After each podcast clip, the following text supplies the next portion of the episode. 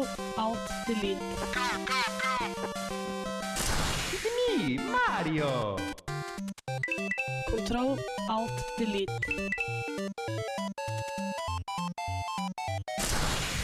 Unable to comply.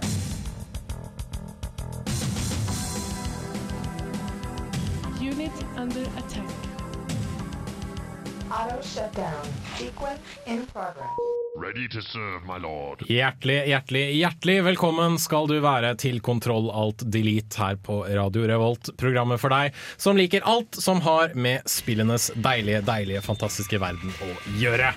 I dagens sending skal vi annet anmelde spillet Devil's Attorney. Vi skal snakke litt om XCOM, og vi skal diskutere hvordan spill gjenspeiler virkeligheten. Men aller først skal du få Ty Segal, Fem Fatale.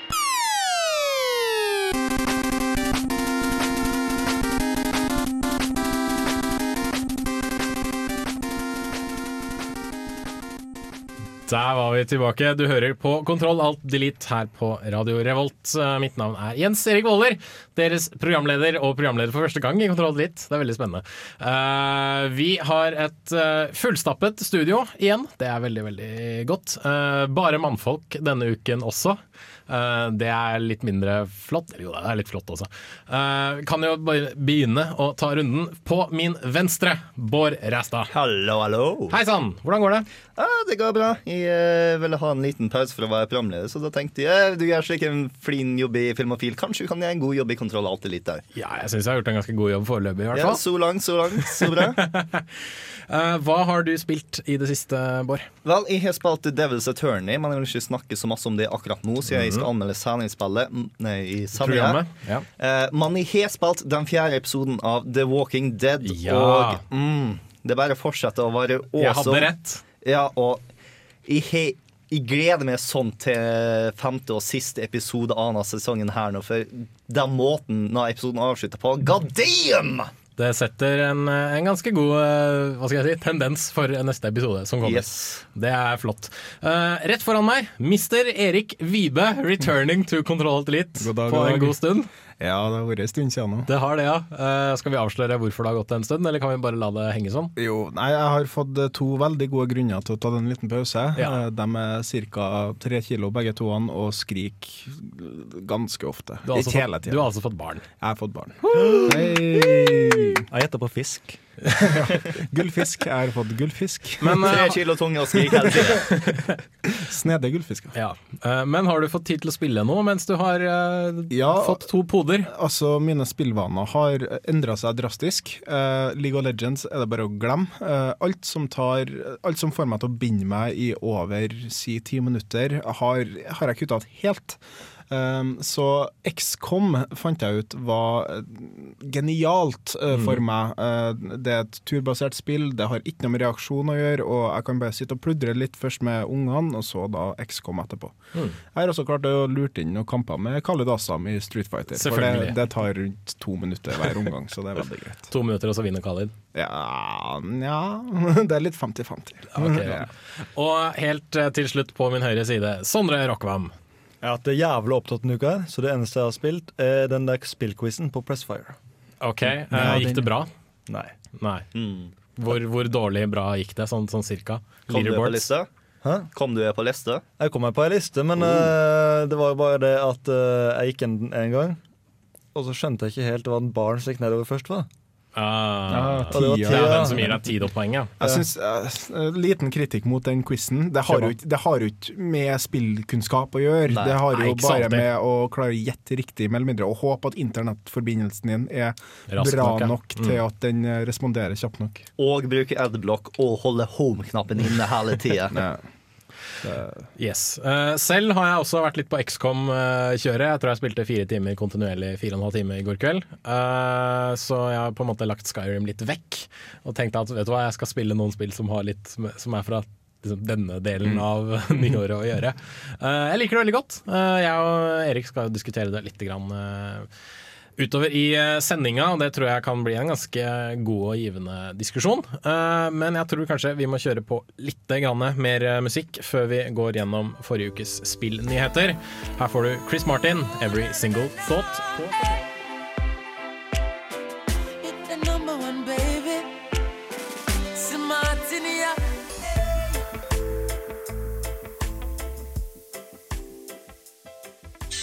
Denne uken i Spillnytt. Der var vi tilbake. Du hører på Kontroll Alt Elite på Radio Revolt. Og som den lille jingeren fortalte dere, så skal vi snakke litt om uh, spillnyheter. Du Sondre har call på spillnyhetene. The Newsman. Ja, jeg fiksa det, da. Og mens du kanskje har lagt bort Skyrim, så er det et universitet i Amerika som har funnet ut at det her er jo veldig bra. Så Ja, vi kan ta og fortelle folk hvorfor skandinavisk er så utrolig populært okay. i fantasykulturen ved å ta gjøre Skyrim sitt fag. Ha.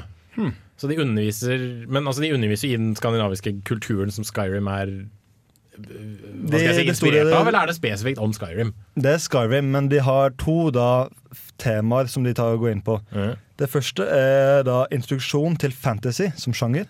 Mhm. Og spillkulturen og litt rundt det her. Og det andre er da hvorfor det er så utrolig viktig og populært med Ja, med skandinavisk middelalder i amerikansk og engelsk spillkull. Det er i fantasy for øyeblikket. Stilig. Det får ikke så veldig masse av den norrønske mytologien i Skyrim, da, egentlig. Nei, men du har veldig mye som da ligner. Ja, Mm. det er et par guder som ligner ganske eh, Eller i hvert fall DTs, da, eh, som Mm. kan virke veldig lignende. Eksempel han eh, trickster-guden, eh, veldig lik Loke. Mm. Sanguine, Eh, ja, som ja, sender deg på fyllekule. Ja, og det er flere tilsvarende guder som kan virke veldig lik enkelte norrøne guder. Ja, De sier jo at det er basert på skandinavisk og norrøn mytologi, og blant annet du kan se husene. De er da Ja, veldig ja, ikoniske Mm. For Lange haller, eller long, eh, ja, Long halls. long halls. Ja. Sånne ting. Ja, veldig veldig stilig. Hvilket universitet er dette, for de som kanskje vil søke seg til eh, utlandet? Det sto dessverre ikke. Jeg lette litt, Ah. grann, men uh, så skulle jeg prøve å lage en sak istedenfor. Ja. Men det gikk ikke. Nei. Jeg kan ta andre nyheter. Kjør på. Så uh, min viktigste nyhet er at det kommer enda flere Borderlands. Ja, selvfølgelig. Det er jo det Gearbox stiller seg bak mest, er det ikke det? Og for eh, litt sånn humanistisk så har vi at Extra Life, en veldedighetsorganisasjon, Ja. de har sånn her 24 timer maratongaming, hvor du kan livestreame deg sjøl og donere penger mens du spiller, for da barn på sykehus i Canada og USA. Mm. Da jeg vel sa karene fra Penny Arcade som tok og Mm. satte i gang første gangen. Og eh, det har vært veldig mange hyggelige folk som har deltatt på dette nå. Eh, Det var, jeg tror at det hele begynte med at de hadde der eh, Hva heter det? Child's Play. Uh, Child's Play, ja. Men Mm. det var noen som begynte å spille busspillet som uh, Desert Bus, ja. er- ja, Desert og- Bus. uh, som Loading Ready Run-folka. Pen and Teller var yeah. som Ja, laga det det spillet. Penn and Teller har laget spillet. Ja, Eh, det tar mer eller mindre sju timer å fullføre. eh, Nei, nei, nei, det tar ikke sju timer å fullføre. Greia er at du i in real time Ja, tar ja, ja. og kjærer fra Las Vegas til Reno. Tusen. ja, eh, men jeg tror det tar sånn ca. sju timer. Det tar sju timer og kjære den turen. Da får du ett poeng. Ett poeng, Ja. og så snur du, og så gjør du samme igjen. Ja. Det som er irriterende med dette spillet, er at du hele tida heller litt grann mot venstre. Så du må Ja.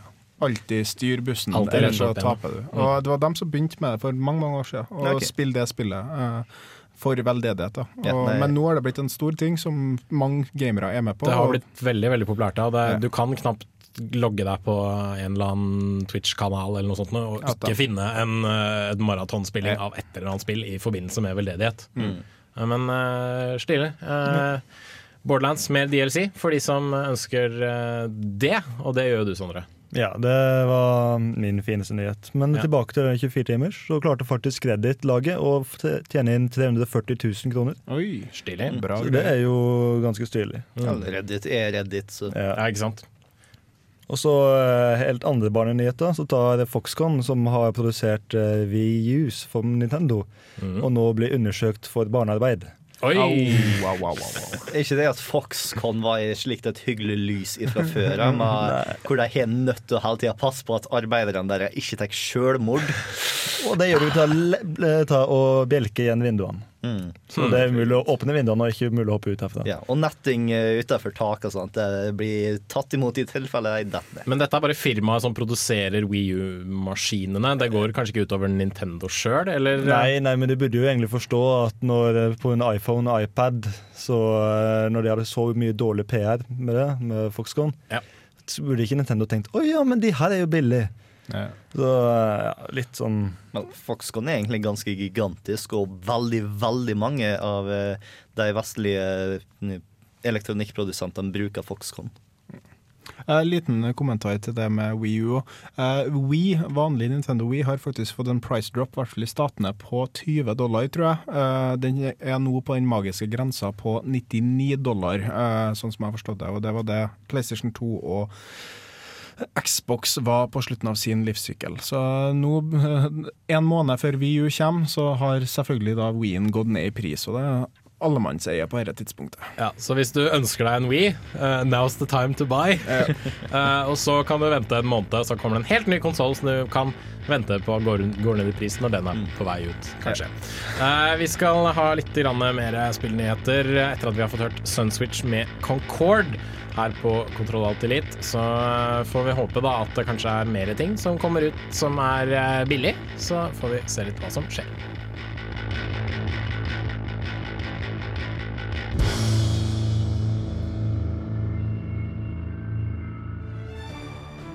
Commander Shepard, and this is my favorite podcast on the Citadel.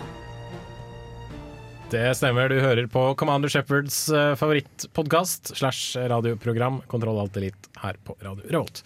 Vi skal ha litt mer spillnyheter, og du Sondre har eh, ting som kommer til å gjøre mange mennesker litt deprimert, Ja. så vidt jeg har skjønt. Mm, Både og, men jeg kan først nevne når vi snakker om Shepherd, at han Shepherd er ute av Mass Effect-trilogien. Han er det, ja. Mm. Det skjønner jeg jo strengt tatt med tanke på hvordan Mass Effect 3 slutta. Ja, og da skal han ikke være med i Shepherd 2, fordi det er ikke noe Shepherd 2. Det skal ikke være noe Mass Effect 4. Men de har lyst å få en ny karakter. Ikke en soldat i dette universet, men noe helt annet, noe helt nytt, sier de. De sier ikke veldig mye hva de tenker, men det er jo et nytt spill i samme univers, og det blir jo artig å se på. Så det er ikke noen mulighet for å innta rollen som et romvesen eller noe sånt nå, kanskje? Eller har de ikke sagt noe om det? Ingenting som jeg vet. Hva heter hun Shadowbroker? Uh, Liara. Liara. Jeg klarer å forestille meg at noe sånne detektivgreier med hun eller et eller annet sånt der kan ha vært interessant for Bioshock å holde på med. Uh, nei uh, BioWare. BioWare. Eh, og jeg klarer heller å forestille meg at det blir mer da at du går rundt i byer og samler informasjon og sånne ting. Eh, det, det virker i hvert fall som en interessant idé. Nå som BioWare har et studio innad som driver med strategispill og holder på med for øyeblikket å lage Command and Conquers Ja, Generals Generals, 2. Mm. så kan jeg kanskje ta en side ut ifra Halos i bok og ta og lage Mass Effect Wars. Ja, Ja. for uh, Halo RTS gikk jo kjempebra. På konsoll? Vel, når du går på konsoll, så eh. Ja, Men men, du ser nå hvordan XCOM gjør det. Kanskje jeg kan ta en ja, men det er, da fungerer det med at du har f veldig få personer du må Og det er styre. Og du lager ikke en base ikke og time. genererer folk, sånn som du gjør i et annet strategispill. Mm. Men uh, Sondre, hva mer har du? Vel, uh, ny expansion pack til Battlefield kommer snart. Og som veldig mange har fått med seg, så er det jo veldig sånn gråtonete over hele grå over hele Battlefield-outlooken. Mm. Og de sa nå for noen dager siden at de skulle være åpen for å fikse det her. Før de da to dager senere sa nei, vi skal ikke fikse det her. Vi er stolte av gråtonen vår. og ja. Denne DLC-en, da, hva innebærer den? Det er noen nye våpen, noen nye baner. Og ja, hvis du har veldig lyst til å ta og finne ut hva det er, så da Google-søk det. Det er multiplayer-ting, altså. Og eh, litt sånn tødd fakta. Masse oppsigelser i Farmville-selskapet. Zynga, ja. 5 var Ja, ikke det? de kan ta seg en bolle. Eller flere. Eller flere. Fem cirka. Det er råd til. Milliardtap for Nintendo. De Ah. eh, fikk ikke solgt så mange 3DS som de hadde lyst til. Så tomt. Vel, det er egentlig ikke så merkelig at Nintendo mister veldig masse penger akkurat nå. Jeg mener, de to store gullkyrne til Nintendo holder på å dø ut. Det er vi og DS-en. DS-en er mest solgte håndholdte maskiner ever. Wien er den mest solgte spillkonsollen ever. Så når du ikke har noe software-salg til deg lenger, og du prøver å ta og gi folk nye maskiner som 3DS-en og Wii-en, så er det ikke merkelig at de tar og taper penger for øyeblikket. Man har tjent inn sjukt masse på DS-en og Wii-en, og sannsynligvis så kommer jeg til å tjene inn det jeg taper nå på Wii-en og 3DS-en når de kommer ut. Skikkelig.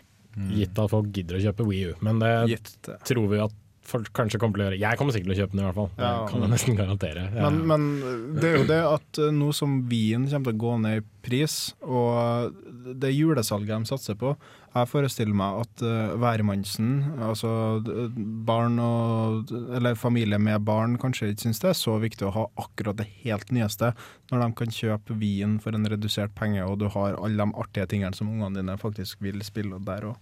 Vi får se nå om Viun har den samme Du kan knapt nok ta og kjøpe Viun, så hvis du ser den, så må du ta og kjøpe en mm. Jeg, jeg ser er for meg at hvis Nintendo bare sender disse reklamene hvor du flytter spillet fra skjermen, TV-skjermen til håndkontrolleren din, Mm. bare viser den når uh, masse barneforeldre ser på TV, så tror jeg de der kommer til å selge masse enheter med Ja. spill, slipper du å ta slåss med å få ungene med seg. for eksempel. Eller hvis pappa vil se på fotballkampen, så kan ungen sitte og spille Pikmin imens. Yes. Ja. Hadde du noe mer, eh, Sondre? Med, litt flere dårlige nyheter. Ah. eh, Microsoft får antatt stup på 94% av omsetninga si første kvartal i 2013. Mm. Og gode nyheter. PlayStation 3 de ble ikke ansvarlig da, for eh, sitt datainnbrudd. Det er litt dårlige nyheter, for de er jo egentlig ansvarlige i og med at de ikke er sikre nok. Ja, men da, de har jo tapt jævlig mye penger. Hvis du skal gå enda mer lenger ned for dem, så ja. da vet jeg ikke om jeg kommer med Sony PlayStation 4. Nei, sant. Sony, så flinke de er. Nei, men det måtte jo skje, og det har jo skjedd, på en måte. Ja. Ja. Ja. Det var alt. Nei, litt gladnytt, ja. Ja. Assassin's Creed blir film. Har det ikke blitt eh, annonsert sånn fem ganger før at det skal bli en film? Jo, jo, men alle, liksom, alle vet at alle spill har lyst til å bli film. Ja. Alle har lyst til at alle skal bla, bla, bla. Ja. Men eh, det var nå en ny skuespiller. Ja, nå har det de endelig låst fast han Michael Fassbender, som Ah. folk kanskje kjenner igjen i, som roboten fra Prometheus, eller Magneto i- fra X-Men First Ah. Class. Dyktig skuespiller, han. Mm. Mm, løytnanten for en Glorious Bastard. Det er Mm. Så eh, jeg tror han skal være òg, så det kan bli ganske interessant å se. Ja. for uh, Assassin's Creed 2-historien tror jeg kan bli en OK film, gitt at den ikke er sånn kjempelang. Hvis de tar liksom den der eh, hevne familien-greia sånn Og ikke tidlig, og ikke kjøre sci-fi-elementer, bare han er en snikmorder, ferdig med det, tror jeg kan bli bra. Eh, jeg og Erik skal få diskutere litt grann XCOM etter at du har fått hørt Dinosaur Junior med Pierce The Morning Rain her på Kontroll Alt Delete.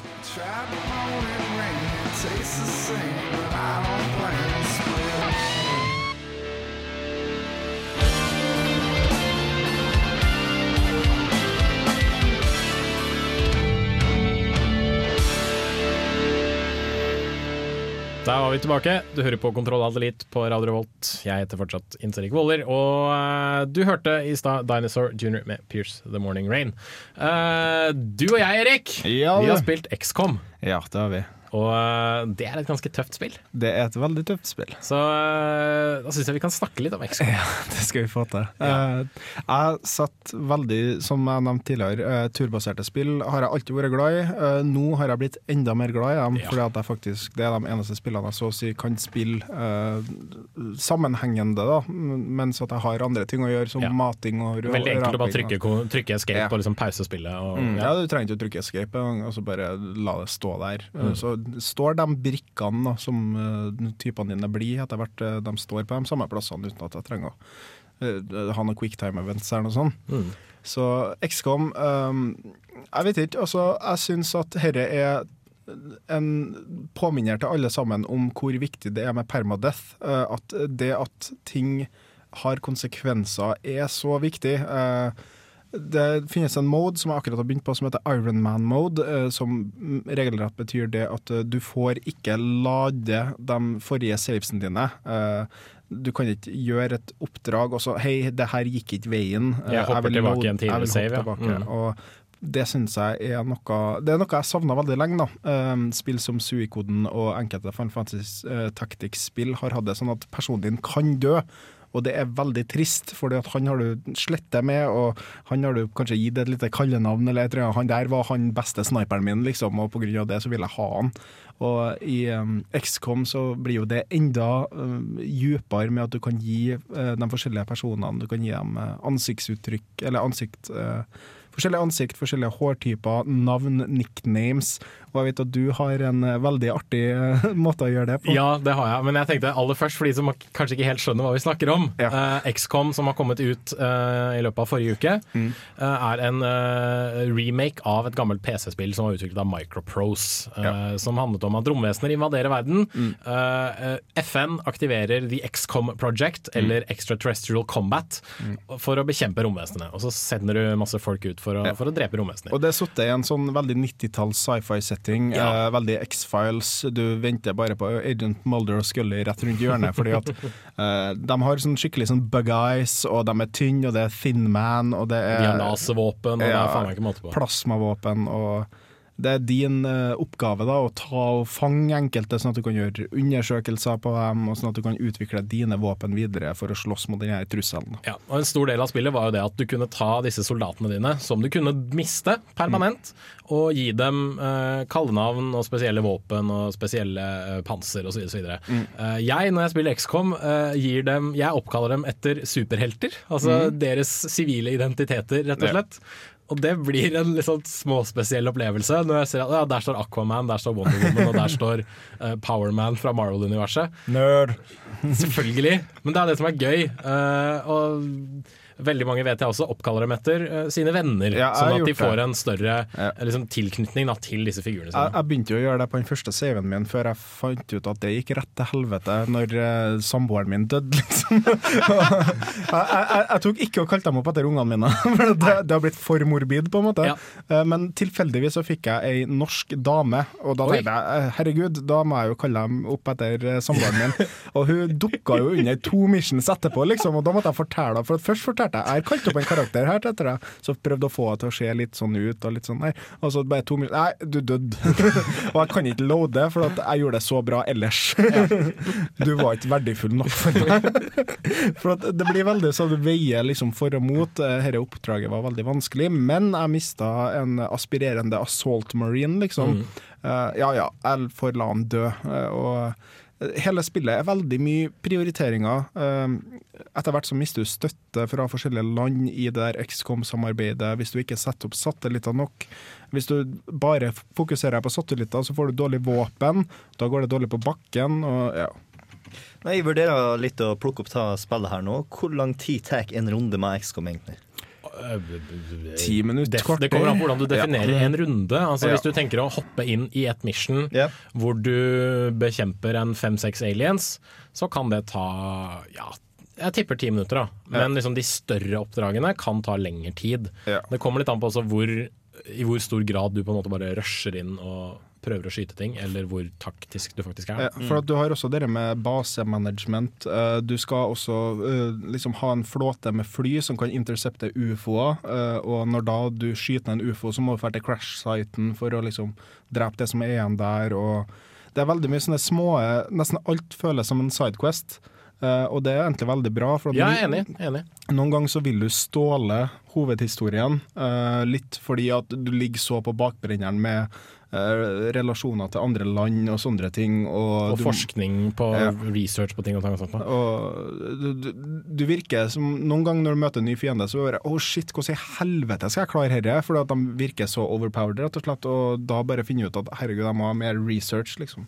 Jeg skulle gjerne hatt en modus der eh, du bare kan drite i story missions, og bare spille liksom vanlig helt til du liksom går under.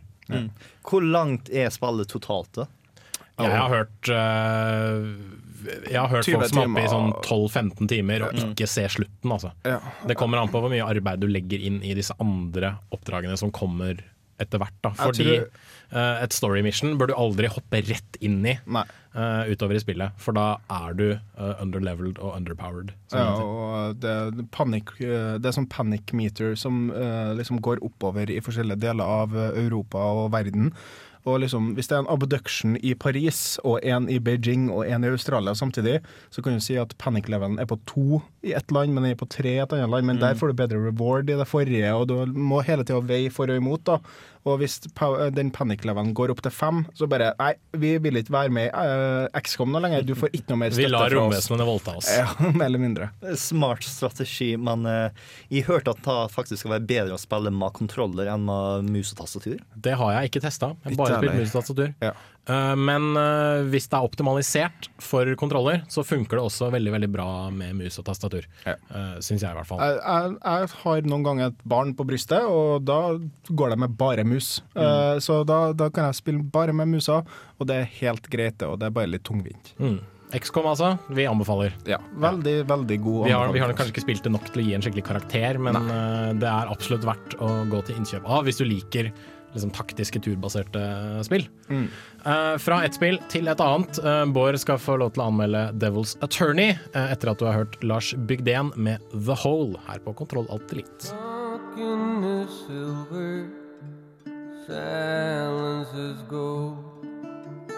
Laughter, protection, truth left untold.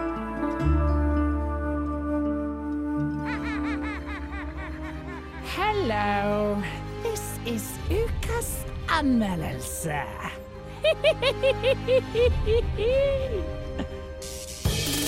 Sometimes you need a hero to save you when you've done wrong and you don't know what to do. Sometimes that hero is an attorney. His name is Max McMahon, and he's the one with a plan. Money Max McMahon er djevelens forsvarsadvokat. Og i motsetning til hans kollega Phoenix Wright fra Ace Attorney-spillet, så er han langt fra sannhetens vokter og de uskyldiges forkjemper. Morality is like a cheap perfume, but I already have a perfume and it's called Success. In fact, I'm wearing it right now.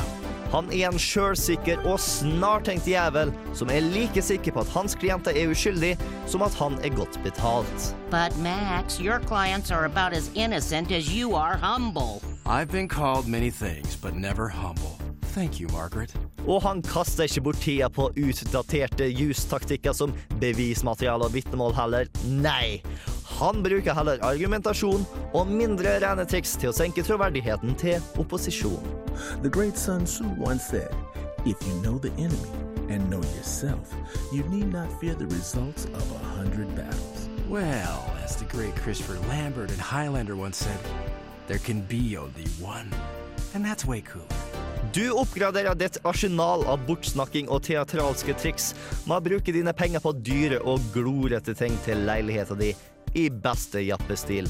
Men du må velge dine barstoler med omhu, for du får forskjellige evner alt ettersom du velger å fostre din materialisme, dekadense eller overfladiskhet. Oh, the youth. Always so cocky and full of themselves. Well, I'll take young and handsome over old and bitter any day. I never said handsome. You never said what? Handsome. Well, you said it now. Oh. Spillet holder mot å være et simpelt, rundebasert strategispill, hvor du må ta ut fiendtlige vitner og bevismateriale, samtidig så du må passe på at aktoratet ikke gir deg for masse trøbbel når det er deres runde. Det hele er ganske enkelt, men det kan gi deg en god del hodebry i den senere saken, spesielt dersom du kjører på hard. For your information, I'm also wearing the Success perfume today. Really? Smells more like failure. Okay, then perhaps I'm wearing another perfume. And this other perfume is called Kicking Your Behind. How do you like that? So you're saying your perfume is kicking your behind? Uh, no. Men det største salgspunktet til Devil's Attorney er humoren. Dersom du liker klassisk point and click av typen LucasArts fra 90-tallet, så burde denne humoren falle raskt i smak. Både dine klienters bortforklaring og Max sitt repertoar med aktoratet vil trekke på smilebåndet ditt mer enn én gang. I see your stripper client is charged with impersonating a police officer. How quaint. Hey, hey, hey, give the man a break. The uniform is just part of a fantasy. Come on, don't you ever fantasize? What?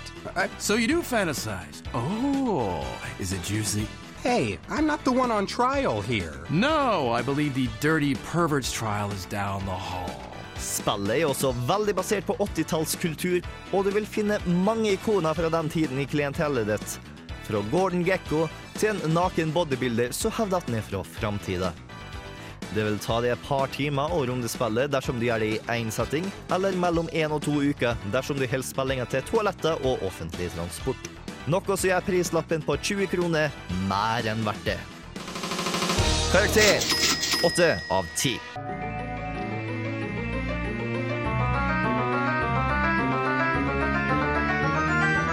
Oi, en kontroll elite!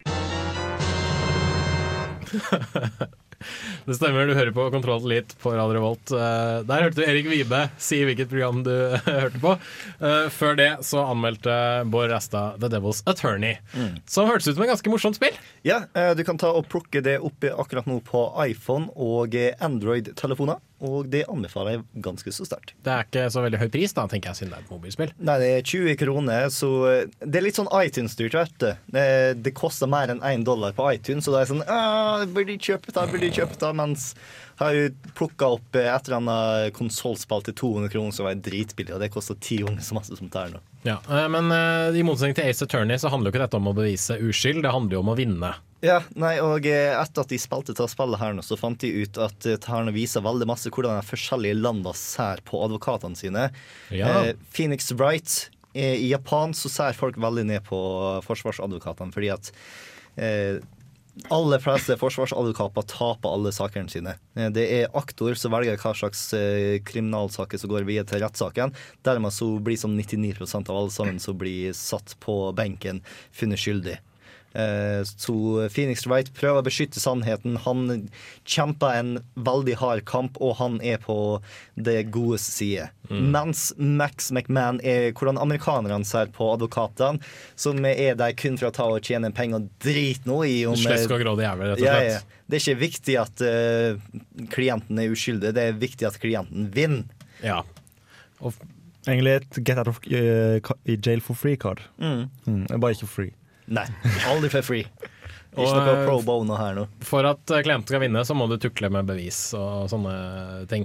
Uh, ja, uh, det er liksom litt poengbasert. Du har et visst antall actionpoeng du har hver runde, og du har liv som er poeng. Litt sånn RPG-ish. Ganske RPG-ish. Ja. Så du har motstanderne dine er vitne, som har et visst antall poeng som er livet deres, og et visst antall poeng som er skaden deres. Så du bør ta ut de vitnene som gjør mest skade først, og passe på å si objection til de som fortsatt er der nå, så at de ikke skal det under neste runde, osv. osv. Du nevnte eh, noe med popkultur fra 80-tallet, bl.a. Gordon Gekko og eh, det jeg regner med var Arnold Schwarzenegger som Terminator. Ja, nei, De har veldig masse artig med forskjellig 80-tallskultur. Blant annet så var det en av karen som til tross for det han lovte, tok og ga opp og fikk eh, dama si til å gråte og dro vekk ifra henne. Jeg skal ikke si hvem det var. Jeg vet ikke om jeg klarer å plukke Never ut. gonna let you down. Oh, ja. Jeg tok den med en gang. Uh. Yeah. Og eh, en eller annen sånn karateutøver som eh, de ville ta og få arrestert fordi at han brukte et veldig hemmelig og farlig eh, manøver i sin finalen. Ja, of course. of course Ralph Macchio. Se, se deg for. Men uh, hva slags mennesker bør uh, Altså fordi det virker jo ikke som om det er et sånn adventure game i den forstand at Nei. Phoenix Wright var et adventure game. Uh, hva slags folk er dette spillet på en måte mynta på? Det er for deg som liker humor. For eh, dersom du kun har gameplayet, så er det litt tørt. Det er underholdende og mentalt krevende gameplay, men humoren er det som virkelig selger til spillerne. Så dersom du syns at sa lydklippa i løpet av anmeldelsen var artig, plukk ta opp uten å nøle. Er er det, hvem er det som utvikler Er det samme som utvikler Phoenix Wright? Nei, langt ifra. Det her okay. er svenska, tror jeg faktisk. Det, Ah, ja, det var i hvert fall en hel masse svenske navn i rulleteksten. Eh, 1337 Game Design, sa jeg. Ah, Mm. Høres svensk ut, de hovne kukene. Du er ikke glad i svensker? Nei, jo da. Nei, da. Nei, men uh, The Devil's Attorney der altså uh, høres ut som et ganske, ganske morsomt eh, spill, hvis du er glad i den type ting. Det koster 20 kroner på eh, App Store. Eh, Jeg vil også nevne at det ligger en anmeldelse av et annet IOS- og Android-spill som heter Bad Piggies på radiorevolt.no, som jeg skrev mens jeg var på barselavdelinga på St. Olavs hospitalet. Eh, Verdt å kikke på. Veldig bra spill. For, for på barsel så gjør det seg å spille mobilspill. ja, da passer det veldig godt med et sånt spill. Ikke League of Legends også. Nei, ikke League of Legends på barsel. Så eh, hvis du har mye å gjøre, så kan du jo plukke opp enten Bad Piggies eller The Devil's Attorney. Eh, og mens du gjør det, så kan du høre på Teitur med She Lives in the North. She lives in the north. Heal meg! Heal meg! Jeg har ikke noe! Jeg kan ikke heale deg! Jeg er tom for Kontroll Alt Elite på Radio Revolt. Applaus til Sondre for sin første jingle! Kvalitet deretter. Um, um, ja ja, det var jo etter et mandagsmøte og en litt for fuktig tur på Edgar. Mm, så- Dere brukte veldig masse tid på det her nå, hører jeg. Ja, ja, herregud, vi satt jo her. Vi måtte jo finne ut hva de sa. Mm. Så Nei, vi gjorde egentlig det. I sammenligning så kan jeg jo si at den Control Alt Elite-jingeren jeg laga, eh, den var laga i helt edru tilstand, men eh, da veldig tidlig. Samtidig. Det var jo også din første jingle. Ja, det var også min første. Uansett, før, eh, før Sondre ropte at han var tom for mana, så hørte du Teitur med She Lives in the North. Var vel strengt tatt Det var vel sånn- kanskje Sunny. Ja, vår daglige leder. Ja, Vår kjære daglig leder Sunny. Hei, Sunny. Jeg vet Hei, du hører på. Um, Teitur med She Lives in the North, som Sondre satt og headbanga skikkelig til. Mm. Det var ganske spesielt. En fyr som headbanger til akustisk gitar. Ja, men det det ikke Det går an, det. Folkrock, ass. Ja, ikke sant? Det går an. Men uh, Kontroll til Elite sin første time begynner å gå vandre så smått mot eh, slutten. Eh, første time sier jeg fordi vi har jo en time to. Men den sendes kun på nett. Eh, så hvis du Ja. hører oss på eh, radio, FM 100 106,2, så må du gå bort til datamaskinen din, eh, gå inn på radiovolt.no og trykke på denne play-knappen øverst på banneret på nettsida. Høyre side. Høyre side-ish. Ja. Da kommer du inn på vår uh, stream, som det heter. Som vi sender live på akkurat nå, og som vi kommer til å sende andre timen på fra klokka seks. Eh, hører du på podkast eller på stream on demand, så trenger du ikke gjøre en skit. Rett og slett. Hva er det andre timen kommer til å inneholde? Andre timen eh, inneholder uh, mer prat og masse spillmusikk. Og eh, en eh, ja, rett og slett prating rundt et generelt tema, som denne gangen skal være Sondre, det var du som foreslo dette temaet før, før sendinga i dag. Ja, jeg sletter ganske med å forklare det sjøl til meg sjøl. Men eh, hvordan er det spill tar grip i det virkeligheten og viser at idet du trykker inn triggerknappen, så skyter du et våpen. Idet du holder inne A, så tar du faktisk og kjører fremover. Og hva er det som Hvordan viser du hva du gjør ved hjelp av en kontroll og lignende? Så har jeg masse dårlige eksempler. Ok, Så gameplay-måter som spill kan etterligne virkeligheten på, kanskje? Ja, det er han sa. Kan vel gå litt nærmere inn på det med realisme i spill. Uh, XCOM for eksempel, det med at folk faktisk dør i strid, og Mhm. de kommer ikke tilbake. De blir ikke bare skada. Og det at cover eh, har en Teller, viss funksjon i forhold til hvor mye cover du får, etc. etc. Mm. Yes. Mm. Eh, men som en aldri så liten oppsummering av denne første timen, så kan vi nevne at The Devil's Advocate er et kult lite mobilspill som du burde prøve å sjekke ut. 8,0. 8,0. Eh, XCOM er et kult, stort eh, PC-spill som du absolutt bør sjekke ut. Uh.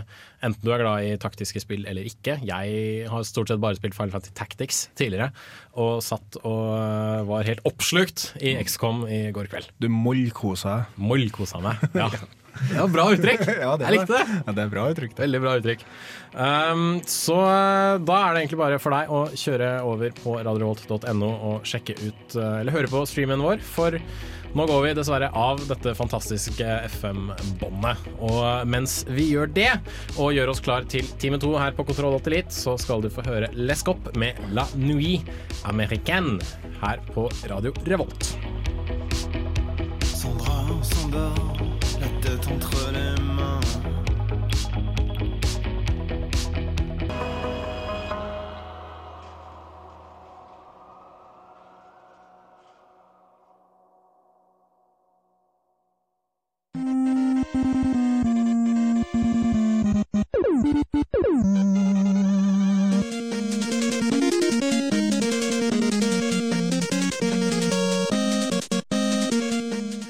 Time to av Kontroll Alt Delete er i full vigør. Ja. ja kan si det. Full vigør.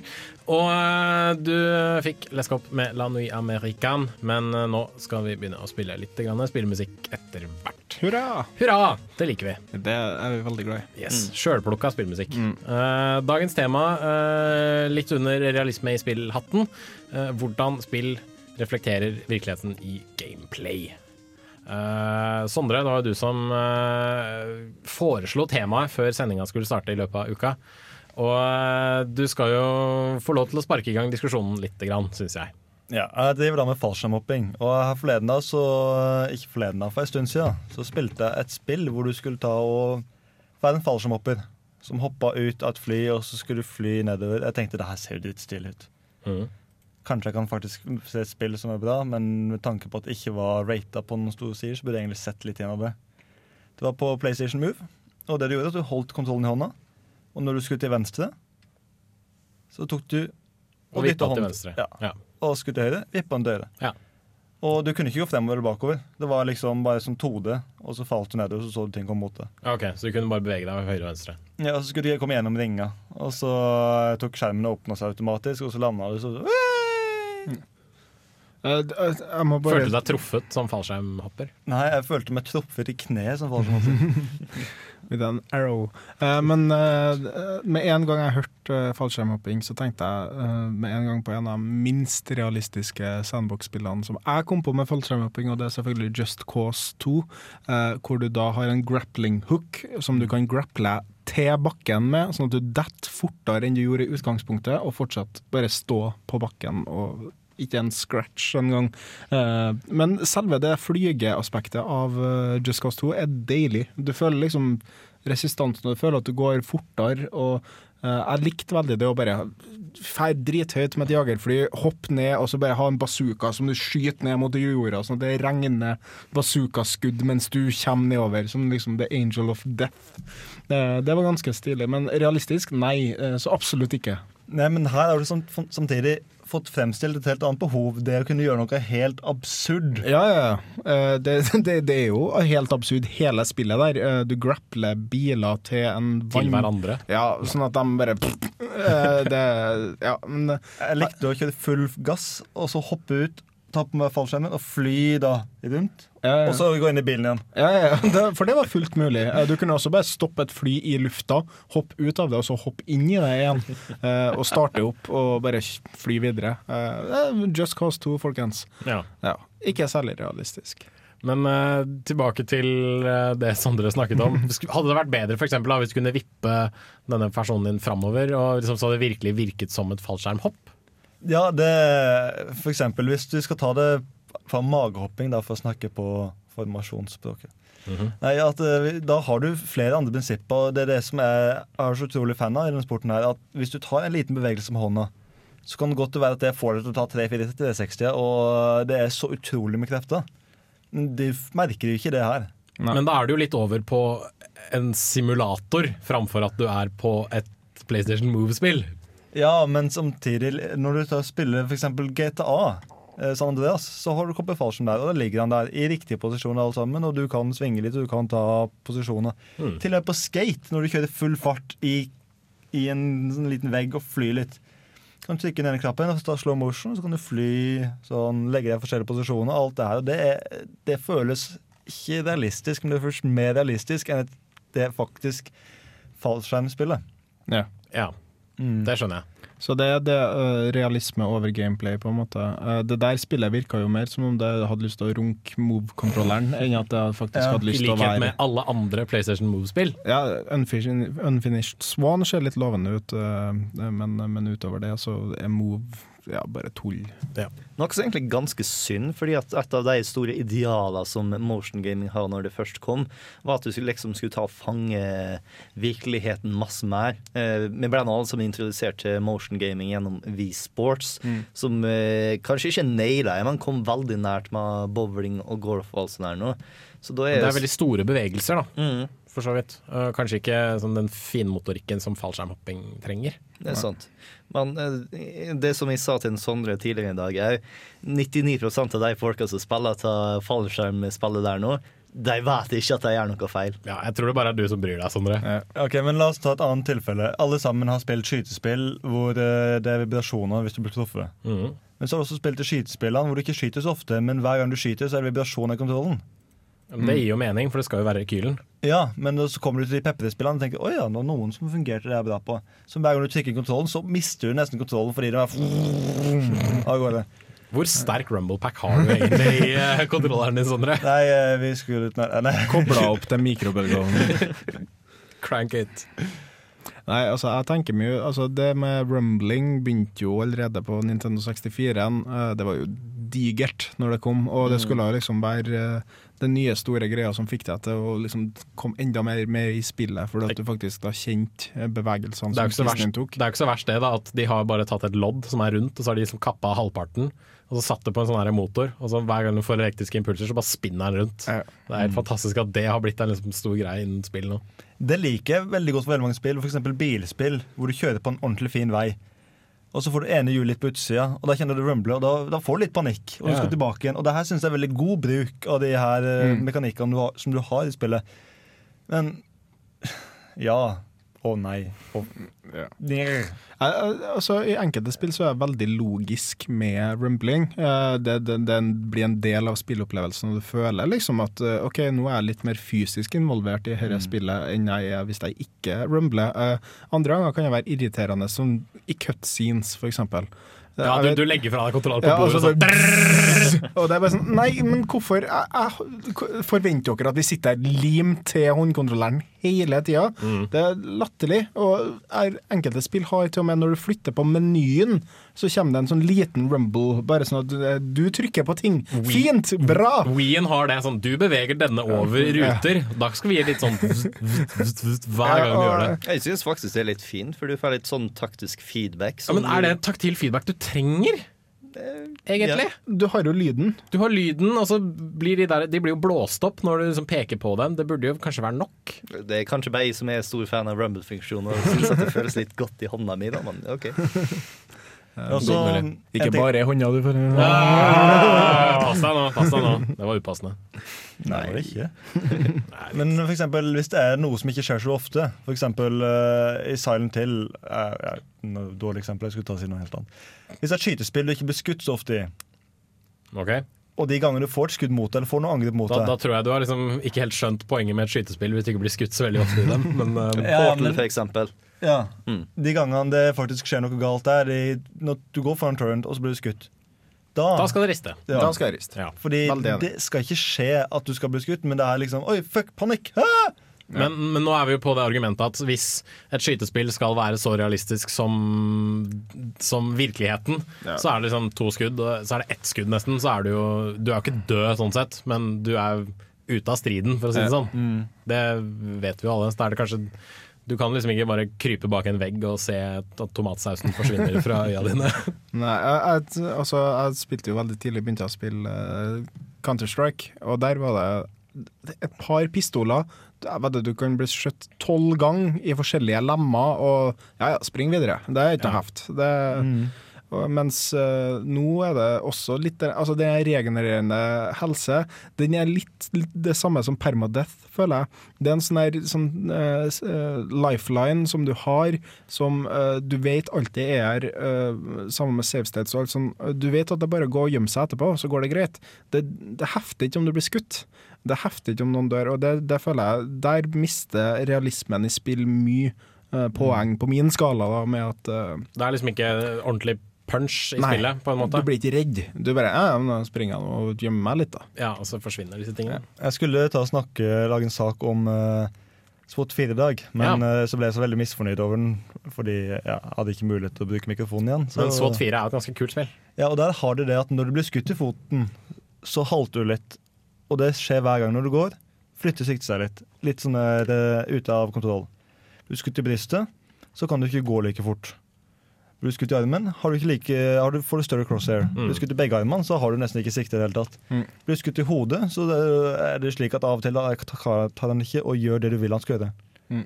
Fallout uh, har jo også en del sånne uh, ting.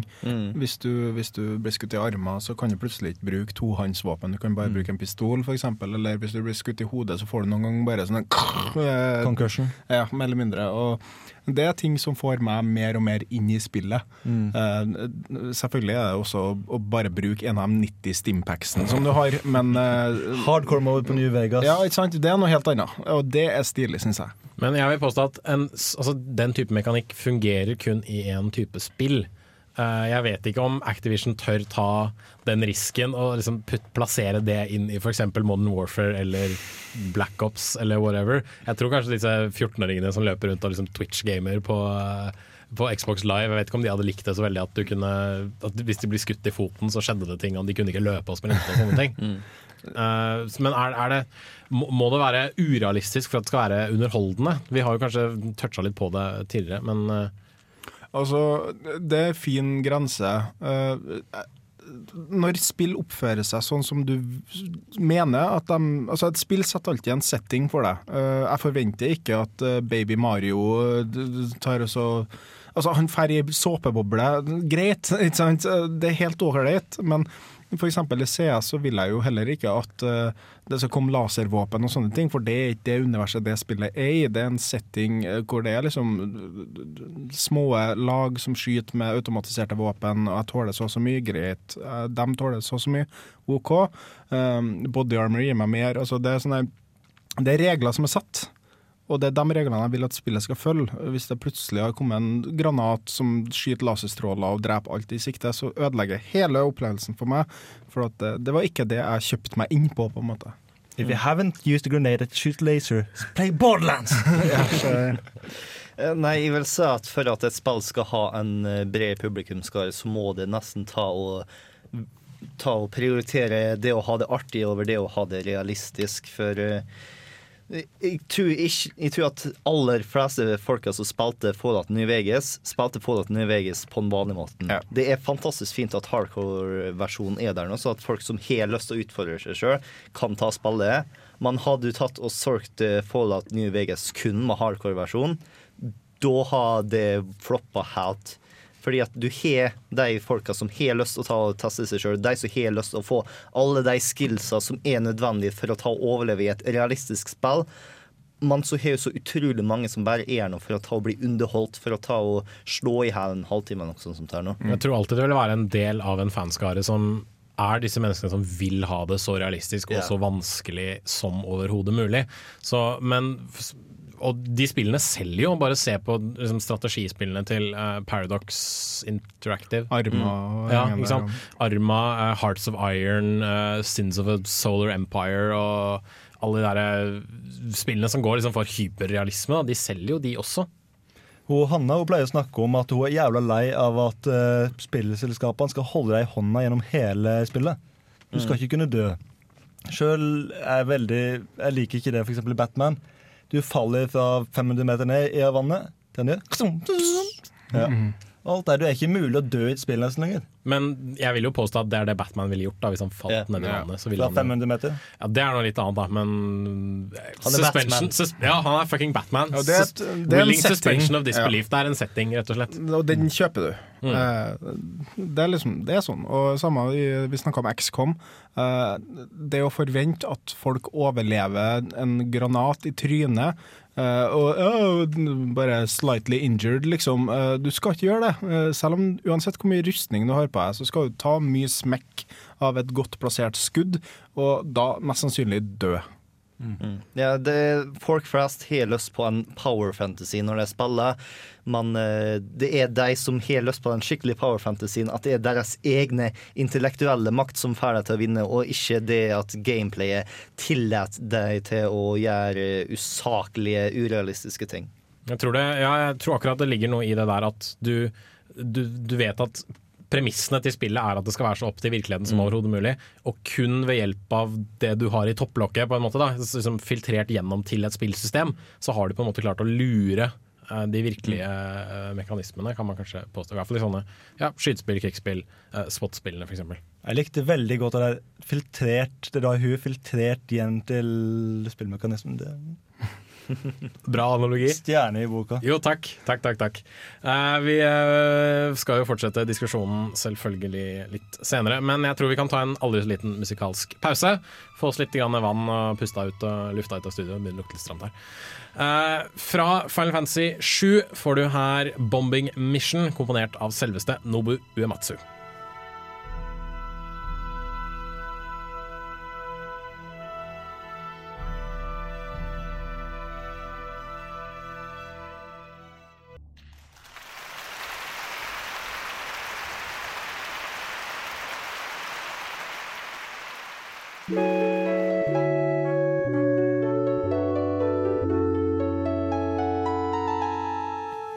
Tilbake. Du fikk en eh, orkesterversjon av 'Bombing Mission' fra Final Fantasy 7 der, altså. Og så Eh, veldig mye applaus. Ja, og så litt applaus, for dette var jo et liveopptak. et Konsertopptak. Veldig stilig. Og jeg og Erik satt jo og nynna til hele Jeg ble så gæren tatt tilbake til 90-tallet nå, med først den der uh, ja, Bombing Mission, og så den uh, In-sangen fra Final Fantasy 7 etterpå. Mhm. Den som du hørte helt på slutten her, der sovesangen, som vi kaller den. Yes. Uh. Fikk lyst til å spille Final Ja, Fantasy 7 jeg fikk veldig jeg fikk, Nei, jeg fikk mest lyst til at Square Enix tar hodet sitt opp av ræva si og lager et ordentlig Final Fantasy-spill igjen. Ja, det er det, det jeg fikk i. lyst til. Det er jeg faktisk enig i. Final Fantasy 15, return to form. Ja, og en helt liksom En, en Final Fantasy-opplevelse. Det er det jeg har lyst på. Det, det har jeg savna så lenge nå, og vær så snill å gi den til meg. Men vi diskuterer jo ikke fantasi, Nei. vi studerer virkelighet. Åh, hør på han! Two for two. og eh, noe vi diskuterte litt mens låta gikk, var jo dette med at visse spilltyper har jo kommet fram nå i det siste som prøver å etterape virkeligheten på, Mm. på noen måte, mens noen spilltyper har på en måte bare falt helt bort. Uh, på kontrollerne nå så har vi jo disse triggerne som vi bruker både i skytespill og ikke minst i bilspill, uh, mens ratt og pedaler det bruker du ikke lenger. Nei, det var altså- jo en stund den, den kjøremåten da, til Ja, ja. bilspillene. Og samme med, jeg husker når Windows Flight Simulator kom. Eh, hvor mange flightsticks er ikke blitt solgt pga. bare det spillet? Og det var ikke dem som var sånn hardcore sim-folk som kjøpte, det var fedre. Jeg husker jeg var på Ramarom en gang, og uh, Ramarom, for dem som ikke er innvidd i Trondheimshistorien, var da den ene spillbutikken som var i, øverst i Nordre, attmed den der italienske restauranten på andre sida av Merkur-senteret. Mhm. Hvis noen vet sånn cirka hvor det er. Er en kaffebar der nå uansett. Eh, jeg var innpå der, og selveste Terje Tysland, eh, kjent eh, trøndersk ja, Musiker. I hvert fall, han var der og kjøpte seg en flightstick. om så til seg sjøl eller til sine barn, det vet ikke jeg, men han var der og kjøpte seg en flightstick. Jeg hadde i hvert fall en flightstick Jeg hadde ikke en flightstick selv, men jeg hadde en kompis som hadde en flightstick. Den brukte vi ikke bare til, til liksom flight sim-spill, nei, nei, det brukte vi til å spille et gammelt spill som het MDK. Hvis jeg sier noe Ja, som helst. ja, ja, det er en var- av uh, Nei, det var sånn tredjeperson, førsteperson du kunne bytte litt mellom. Men den Ja. funka veldig bra da, med flightstick framfor uh, mus og tastatur. Ja, men jeg husker selv at jeg også spilte Doom med flightstick. Eh, det var fullt mulig. Uh, du trengte jo bare å se til venstre og til høyre og gå framover, og da skyte. Det var ikke noe Du kunne ikke se opp i været, så da var det å gå dytte stikk- stikkene framover, det var å gå framover. Og jeg, jeg likte den. Nå er jo analoge som har tatt over der, mellom mindre. Nei, jeg synes det er litt synd at det var så populært med flightstick tilbake i dagene. Fordi at jeg har så forferdelig lyst å spille Star Wars TIE Fighter, noe jeg ikke klarer uten flightstick. Og jeg har ikke lyst til å kjøpe flightstick kun for TIE Fighter. God damn it! Du kan jo kjøpe alle disse flight sim-spillene til Microsoft, for de eksisterer jo fortsatt. De skal jo være så realistiske som området mulig. Mm. Og nå får du kjøpt sånne greier som er eh, De etteraper diverse militære eh, flyvende fartøy. Mm. Eller kanskje ikke fartøy, men ja, ting som flyr. Som har sånn 5000 forskjellige knapper og brytere, hvor det tar deg halvannen time å bare flytte drivstoff fra tankene til motoren, og så ytterligere en halvtime for å skru på motoren. Uh, men det er kanskje ikke sånn kjempegøy, med mindre du har en formiddag og en manual. Jeg tror det er det Hallgeir Buhaug holder på med i dette øyeblikket her. Når du ser med flysimulator på eh, militærbasen sin. Ja, kanskje vi skal sette han foran en flysimulator når han eh, kommer hjem, og se hvor mye han husker. Kanskje vi får låne flysimulatoren hans spille TIE Fighter. Oh, yeah! Ja, det skal du gjøre. Mm, det skal jeg gjøre. Men jeg, jeg må også barndomsminne til eh, Det var en plass som het Kanalen, som var mer eller mindre Arkaden i eh, Trondheim. Den eneste arkaden vi hadde. Og der hadde de en simulator eh, for TIE Fighter eller noe Star Wars-greier. Kosta 50 kroner å spille. Det var mye nå, og mye da òg. og da satt du Da bevega hele driten på seg når du flydde med det. Og du hadde to sånne sticks eh, til å styre med, og når du da dro dem til deg, så for hele jævla automaten Mhm. opp, ikke sant? Og det var så stilig. Og det, sånn skal ordentlig realisme i spill gjøres. Men selvfølgelig kan vi ikke ha den opplevelsen i stua vår.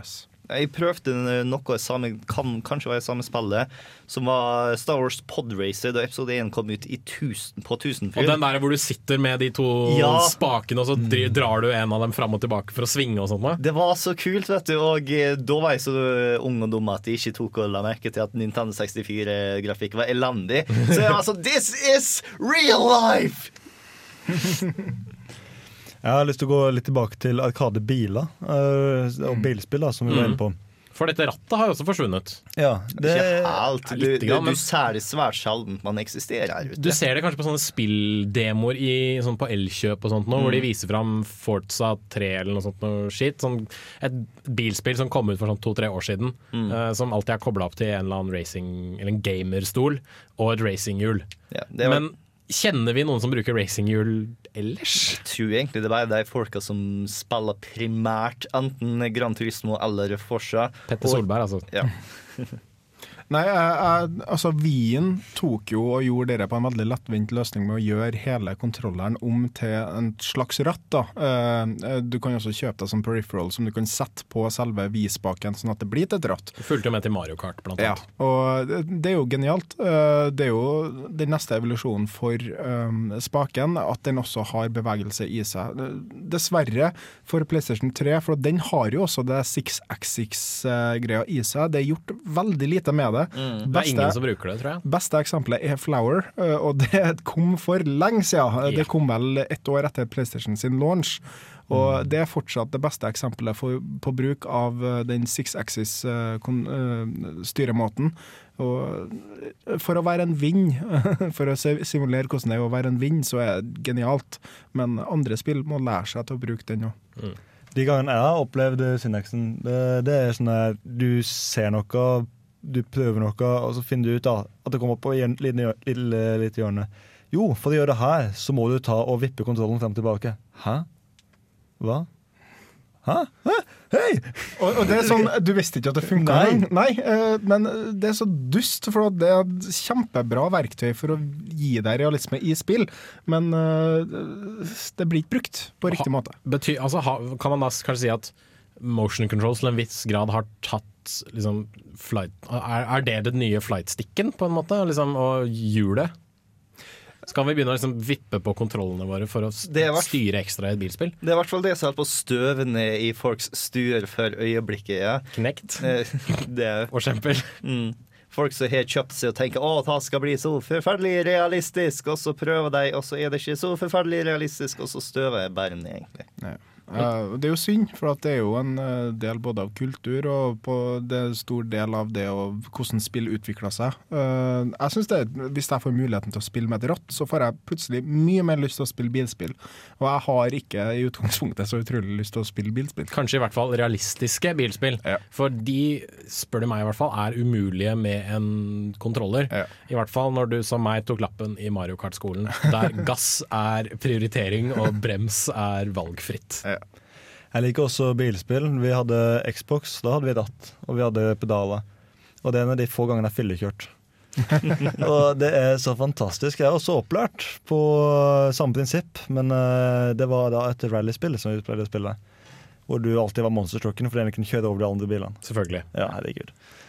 Og så jeg merker at hver gang jeg kommer til kompiser, de trekker frem et spill, kjenner noe dør litt inni meg. Når jeg sitter der med Pellisjon og vi spiller sammen. Og jeg kan ikke stå der og lage store bevegelser og liksom skulderbølle litt med sidekaren. Selv om skulderbølling er veldig sjelden det har noe å si. Uff. Når vi snakker om realisme og fyllekjæring i bil, så er en av de mest uh, interessante eksperimentene i spillet jeg har sett, i en video fra Kotaku. For uh, i 2008 der omkring, da GTA 4 kom ut, så var det en hæl her med sånn uh, Mother Against Drunk Driving. Så Ja. var sånn Å, herre Jesus, du kan ta og drikke deg full i spillet og ta og kjære bil. Ta her nå er å trene opp folk til å ta og fyllekjære i virkeligheten. Så det han gjorde, var at han tok og fyllekjærte hvor Nico var full, og han var edru. Gikk helt fint.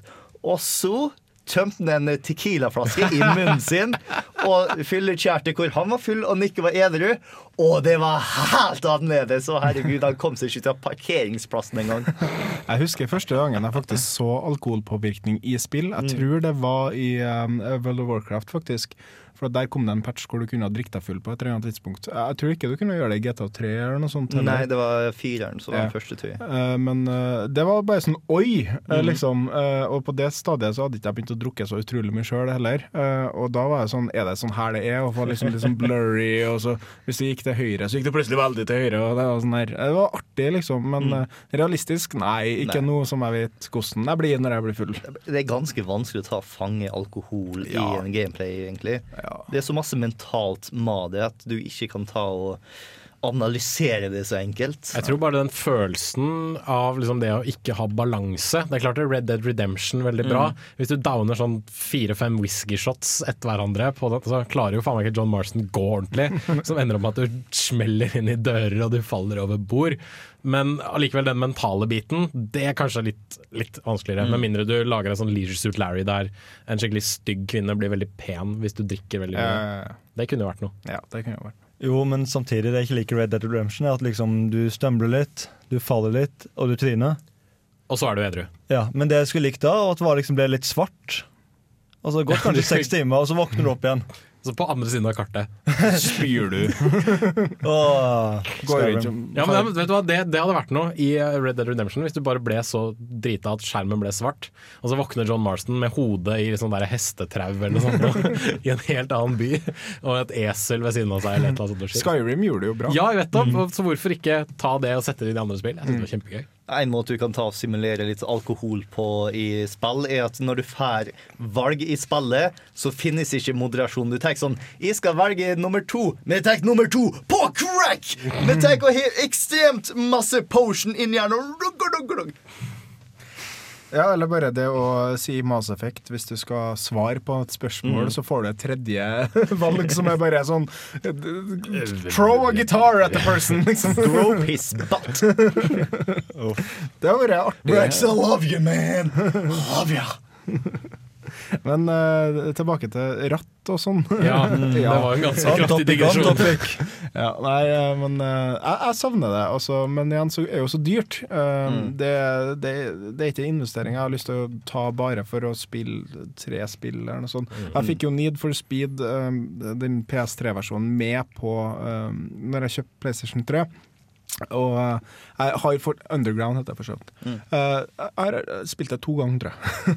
jeg er ikke den største fan av uh, bilspill. Da må jeg være i Mario Kart-skolen. Eh, Burnout kanskje også? ja. Mm. nei, ikke Burnout så mye, det blir litt for realistisk. Men når jeg spilte Motorstorm Apocalypse, så likte jeg det veldig godt. For at det var crazy bananas. eh, Øy som eksploderer. Du kan kjøpe ATV til motorsykkel til hva faen du vil. ikke sant? Og det er ting som skjer hele tida. Du kan rasere ting for andre. Det var artig. ikke sant? Og Sånn kan jeg spille, og da kunne jeg sikkert ha tenkt meg å ha et ratt til det, men uh, til daglig bruk så blir det for dyrt å punge ut hva er 1500 kroner for et ordentlig ratt eller er en sånt, ordentlig ja. flightstick, og jeg har nok med å spare opp til min uh, arcade-stick til Street Fighter. En annen uh, måte folk har jo de rituelle tingene sine, er jo gitaren i Guitar Hero. Mm. Og den begynner jo å kanskje ikke forsvinne, men nå har de jo slutta med ja. i hvert fall rockband-spillene.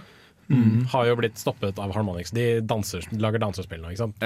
Gjenspeiling av virkeligheten. Men Rocksmith, som Ubisoft holder på å lansere i disse dager, det går jo for å faktisk lære deg å spille gitar. Ja. eh, altså, sånn som jeg har forstått det, nå har jeg ikke prøvd det sjøl, men det jeg har fått hørt, er at du burde ha en forståelse for hvordan det er å spille gitar før du begynner med Rocksmith. Eh, du burde kan basic grep og hvordan du skal holde i. Det kommer han ikke til å lære deg, for han er jo ikke en fysisk person som står der i rommet. Men den kan lære deg å bli en bedre gitarspiller, og det syns jeg er dritkult. Eh, selvfølgelig så er det dyrt med en gitar òg, men hvis du først har kjøpt Rocksmith, så er du nok interessert i å faktisk lære deg å spille gitar. Og det er ikke en billig ting uansett hvordan du snur og vender på det. Jeg vil tro at i lengden så er det billigere å ta og kjøpe Rocksmith enn å ha sånn fire-fem forskjellige gitartimer med en eller annen person som tar eh, godt over en hundrelapp i timen. Mm. Men øhm, nå glemte jeg poenget mitt. Nei, nei, men også for meg så virker dette som den logiske framveksten av realisme, i hvert fall når det gjelder i utviklinga, eller lære deg å spille. Mm. Eh, sånn som The Flight Simulator skal være så realistisk, og de er nok kanskje det, eh, men eh, sånn til dagligdagse ting så er kanskje Rocksmith veien å gå. Et ideal som egentlig kanskje flere spillutviklere burde ha, er at i hvert fall når du skal lage noe realistisk, så får du en hel haug med kunnskap i spillet, som er kunnskap du kan ta og bruke utafor spillet òg. Kunnskap som du kan ta og bli bedre personer, sånn som i Rocksmith, f.eks. Det er kanskje litt sånn eh, off topic for eh, realismen, mens The Secret World har jo en fantastisk database på alle de fantastiske mythical creatures som finnes i verden. Mm. Men der er gameplayen ikke noe spesielt, og det gir jo ikke noe interesse videre. Der har vi et eksempel på Ja, spill lærer deg noe, men det lærer deg det ikke direkte, da, på en Mm. måte. Eh, Assassin's Creed gjør jo noe lignende ved at du går opp til et kjent landemerke i Roma eller noe sånt nå. Du Mm. trykker på back-knappen, og så bare ja, her er denne databasen med litt grann tekst som forteller deg hva dette stedet er, og hva, hvorfor det er betydningsfullt osv. Uh, to eksempel på spill som også har gjort det veldig bra. I, på 90-tallet en gang så spilte jeg et spill som het Backpacker. Eh, det- Ja! det, var Det er et- tre jeg kommer til- barndomsfavoritt. Ja, Det kommer nylig nå. Å ja, har det kommet et nytt et? Oi. Backpacker 1, 2, 3 Ja, for hvis jeg spilte Backpacker 2, husker jeg. Mm. Og jeg husker jeg også hadde en PC som var for dårlig til å kjøre. Men i hvert fall, det var et spill som var kunnskapsbasert, men fortsatt du reiste rundt i Europa og tok på deg små øh, jobber som fungerte som minigames, mer eller mindre, hvor du skulle eksempel huske på Hvis du var bartender, skulle du huske på hva alle de forskjellige og ja, mm. drinkoppskriftene og hva han skulle ha, og hva hun skulle ha hvis hun sa én til. Um, I hvert fall hadde lært meg liksom, eh, ting om byene jeg var i, og hvordan jeg skulle kanskje gjøre forskjellige jobber. Jeg husker jeg ble jævlig flink på fotografjobben i Ja. Backpack. Ja, det kan godt. Når vi snakker faktisk om realisme og bartender, så har jeg et mobilspill hvor du Enda et. Ja, enda et. Du skulle bare sett mobilen min, altså. Eh, Hvor du tar og faktisk lærer deg å mikse drinker. Eh, Du tar og behandler liksom eh, iPhonen din som om det var en flaske, og du må ta og helle på riktig måte, og Ja, ja. og du må ta og putte ting i riktig rekkefølge, og så tar du og serverer til folk, og så får du eh, tips ut etter hvor eh, god drinken var. sånn her, Så det er informasjon du kan ta meg ut av spillet. Vi kan vel i det minste konkludere med at hvis spill klarer å etterape virkeligheten på en eller annen god På en, ja, en virkelighetstro måte, eh, litt mer på flesk, så kan man jo faktisk lære noe kult ut av det. F.eks. spille gitar, mikse drinker, etc. etc. Eh, vi tar enda en liten musikalsk pause med Steamage og deres Bryn Star, henta fra Metroid, selvfølgelig, fordi vi syns Metroid er kjempekult. Så fortsetter diskusjonen litt med om uh, ja, realisme i spill, og hvorvidt det er bedre eller ikke.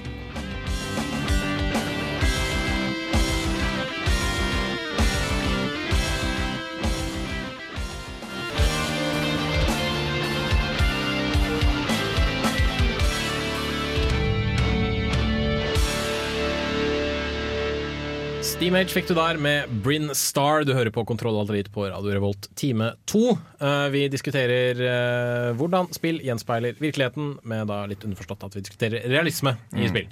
Og da har jeg eh, egentlig bare et spørsmål. Er spill som er realistiske, bedre? Hmm. Både ja og nei. På hvilken måte? Noen ganger så har jeg lyst til å være så absurd. Og er, hvis du er jævla sint, så er det jævla digg å ta seg til et slåssespill og bare slå noen ut. Eller hvis du har lyst til å ta livet av noen, så kan du tenke liksom han karen der Og- Litt sånn katarsis, uh, forløsning-følelser. Mm. Du lever gjennom det du opplever, på en måte. Uh, ja.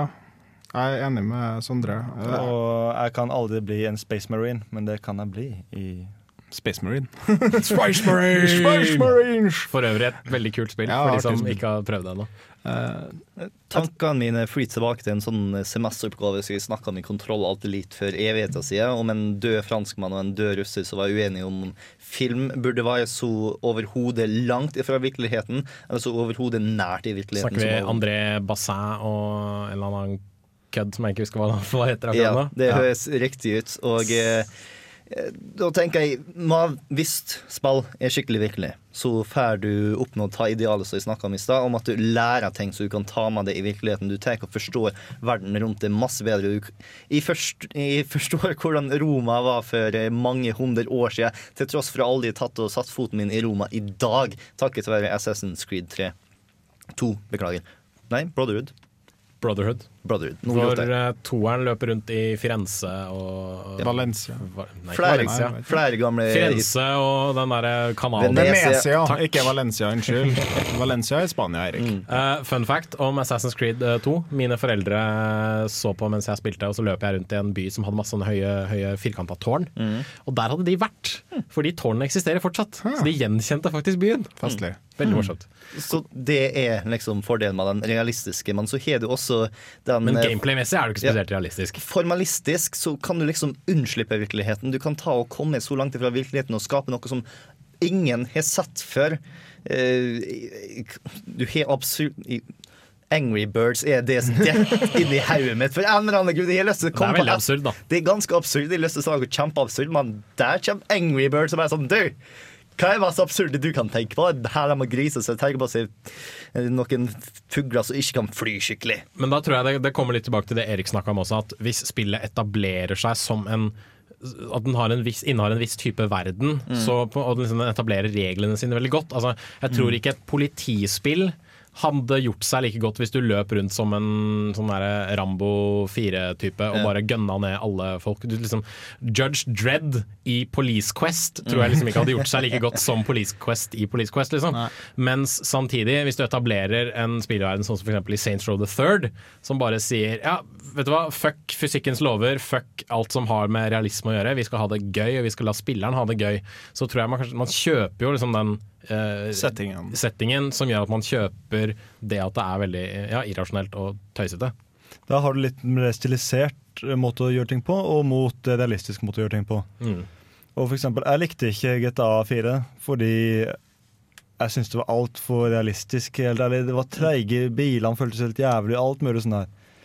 Men når det da kom tilbake til GTA eh, San Andreas Herregud. jeg San Andreas er det beste i spillet i serien. ja, ta backflip med motorsykkel over 3-4 ah, Det var det er, liksom, det er en helt annen måte å være på. Så klart, Spillet er min måte å slippe litt vekk fra verden og slappe av litt. Men- i eh, Men jeg vet jo samtidig at du er en person som rollespiller deg veldig inn i spillene. Ja. Med mindre jeg vet at det her er helt jalla. Okay. Da er det liksom, da slapper det av.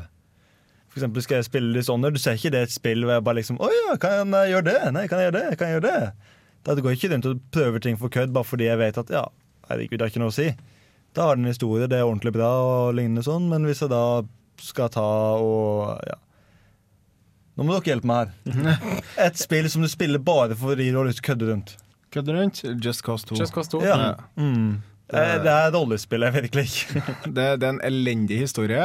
Eh, Du får nå Altså, for folket så, dre, eh, så ødelegger du ø, vanntårnene deres. Mm. For folket! det er sånn What?! Et spill jeg faktisk eh, ikke har hørt noen har nevnt, kanskje fordi ingen har spilt det, hva vet jeg, eh, som har en spillmekanikk som gjenspeiler virkeligheten og gjør alt for å være så liksom, eh, opp mot realisme som overhodet mulig, er Far Cry 2. Det har jeg spilt, ja. Ja, Hvor du blant annet får malaria, altså midt i spillet så må du gi deg selv malariapiller og diverse andre ting, eller så dør du. Eh, Du kan kaste en granat opp en bakke, og så begynner den å rulle ned mot deg igjen fordi du ikke har kasta langt nok. Du er ute og kjører, og så sjekker du kartet ditt, og fordi du eh, fortsatt kjører mens du sjekker kartet, så kan du kjøre på en stein, og så kan du fly ned i en bekk, og så kan du sitte fast med bilen din. Men uh, Far Cry 1 var jo også veldig mye realisme. Men da var det slik at hvis du hadde på ei rød skjorte, og du ble sett på 5000-6000 km avstand, og det irriterte livskyteren til meg hver jævla, hver jævla gang. Samme med Ghost uh, Nei, Sniper Warrior, eller hva det heter. Sniper Ghost Warrior. Ja. Hæ? Et spill som heter? Sniper Ghost. Samurai Revenge 3. ja, men det var slik at uh, Så lenge du ikke lagde en lyd, så gikk det helt fint. Men tok du ett skudd, så visste alle nøyaktig hvor du var. Og det bare irriterte møkka ut av meg. Det var liksom lettere å gå inn og spille uten å skyte uh, noe i det hele tatt. Du stelta deg gjennom, altså. Det er kanskje det du skal gjøre som en sniper warrior. Jo, jo, men liksom, når du Sniper står Ghost på Warrior. 400 meters avstand og tar ett skudd, og, eh, da skal ikke folk vite hvor du er. Nei, det er jeg absolutt enig i. Ja, og du kommer jo litt inn i den der eh, med Skyrim. Eh, du kan skyte en kis med en pil og bue i øyet, og og øyeeple, og han uh, Who's that? Uh, was, Ja. where, where, where, what? Probably just the wind. ja, ikke sant? Og det er sånn, selv om, selv om eh, det er morsomt å være stealthy i det spillet, så er det sånn her Det blir sånn tull. Det er ganske gøy å drepe banditter med å sende en pil opp i rumpa deres. Da, fordi, du har, fordi du har sånn meg en archer skill på 70, ja, ja. Og, bare som, og så har du seks ganger så mye skade fordi du løper rundt i stealth mode. Mm. Det er ganske morsomt. Ja, det er artig for all del. Og hvis du da har alchemy i tillegg, så ser du liksom «Åh, nei, nei, nei», Og så ser du bare at livet går ned, og bare smiler til deg sjøl. Men det er jo ikke realistisk. Nei, det er det absolutt ikke. Det mest realistiske stealth-spillet som har blitt laga så langt, står jeg på, er Thief. Uh, Thief gjør det riktig, du må holde deg til skyggene, hvis ikke dør du. Uh, selv om altså, Hvis de står langt unna, så ser ikke de det. Og de har ikke nødvendigvis vanlige ruter som de går i, og de kan være irrasjonelle. og det er Sykt bra spill. Bare test det ut, selv om det begynner å bli ganske utdatert. Igjen en måte spill gjenspeiler eh, ting sånn som det egentlig er. Mm. mm, altså Kanskje ikke helt, da, men igjen. Fantasiverden, etablere regler etc. Mm. etc.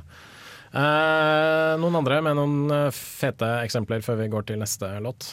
Ja, Hvis du skal ta Redde prinsesse, så spiller Super Mario virkelig realistisk spill. Fordi med en gang du kommer dit, så er du borte. Eh, har du sett YouTube-videoen Realistic Mario? Nei. Den er sånn at eh, de har lagt på lydeffekter. da oh, Så når. Mario går, så er det sånn. Når han hopper, så hører du sånn lyd, og så liksom slår han i den der eh, brick-blokken over seg. Han hopper på Goomba som skriker når de dør. Han, eh, hvis han hopper langt, så hører du sånn Aah! Så lander han. Veldig veldig morsomt. Fins på YouTube. Eh, søk etter eh, Jeg tror det er Realistic Super Mario eller et eller annet sånt. Men vi hopper videre til neste låt fra The Street Fighter Tribute Album. Her får du Ryu Stage.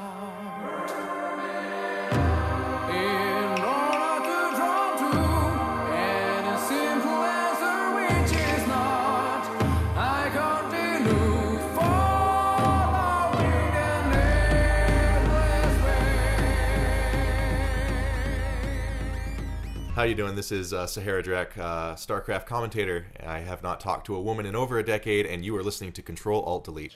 Det stemmer. Du hører på Kontroll Alt Delete her på Radio Revolt. Du hørte eh, Ryu Stage fra Street Fighter Tribute Album. Eh, kul låt, syns jeg, som Mm. eh, Erik eh, valgte ut i dagens sending. Male litt Street Fighter. Ja, ikke sant? Litt Capcom i hvert fall. Everything goes with Street Fighter. Ja, eller Guile. Eller Galsim. Men vi begynner dessverre å gå aldri så lite grann tom for tid. Klokka begynner å nærme seg sju, men Nei. vi har jo hatt en eh, ganske så stilig og fullpakka sending allikevel. Um, I andre timen har vi diskutert uh, realistiske spill og hvordan spill uh, reflekterer virkeligheten i eh, gameplay og gjennom kontrollere osv. Har vi egentlig kommet til en eller annen form for konklusjon? Det er vel det at vi trenger både realistiske og urealistiske spill. For mediumet har mulighet for begge, og det å ikke utnytte begge, det er et tap. Samtidig har vi også funnet ut at det er et veldig bredt tema. Vi kunne sikkert sittet her ganske lenge hvis jeg hadde fått noe å spise. Nei, altså, det er jo det at uh, det burde Et godt spill inneholde både elementer av realisme og ikke-realisme. Helt, kommer helt an på hva det har lyst til å formidle. Uh, jeg snakka tidligere om Joshies uh, Island, og når du mister Baby Mario, så får du en uh, følelse av Apropos det, så har jeg et spørsmål. Føler du at Yoshi's Island har forberedt deg til livet som far? Nei. Tamagotchi gjorde heller ikke det. Okay. Eh, Selv eh, hvor realistisk det var det lille lommedyret vi hadde.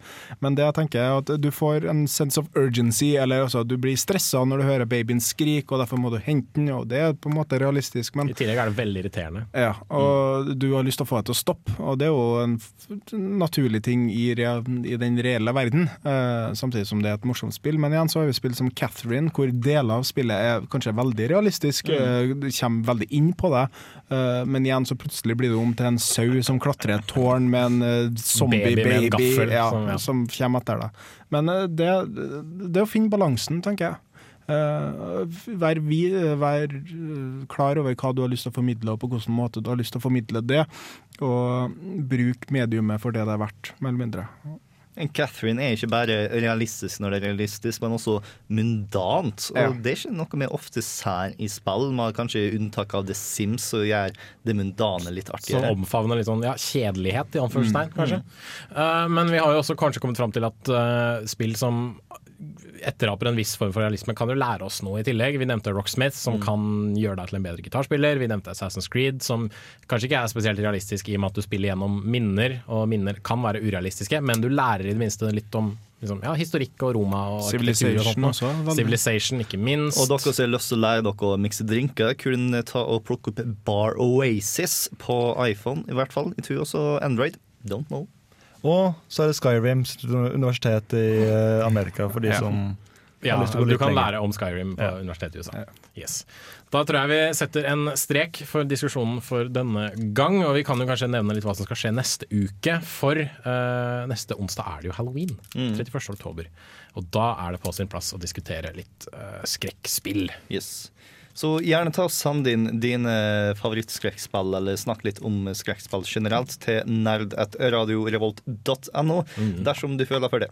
Vi tar også imot eh, generelle ryttebrev eh, om hva som helst. Alt fra Pokémon til alt mulig annet rart. Og så svarer vi på deg når vi får tida. Ja.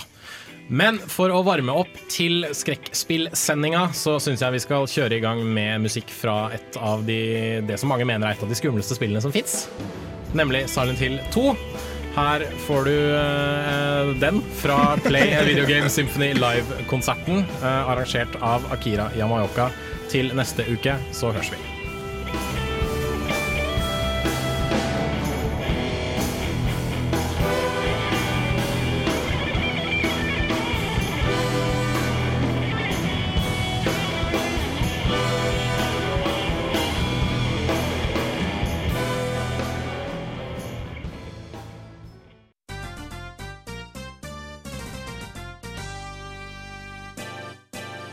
Du spørsmål, utfordringer, ting du føler vi bør ta tak i, eller noe helt annet du vil spørre oss om, da kan du sende mail til nerd.radiorevolt.no.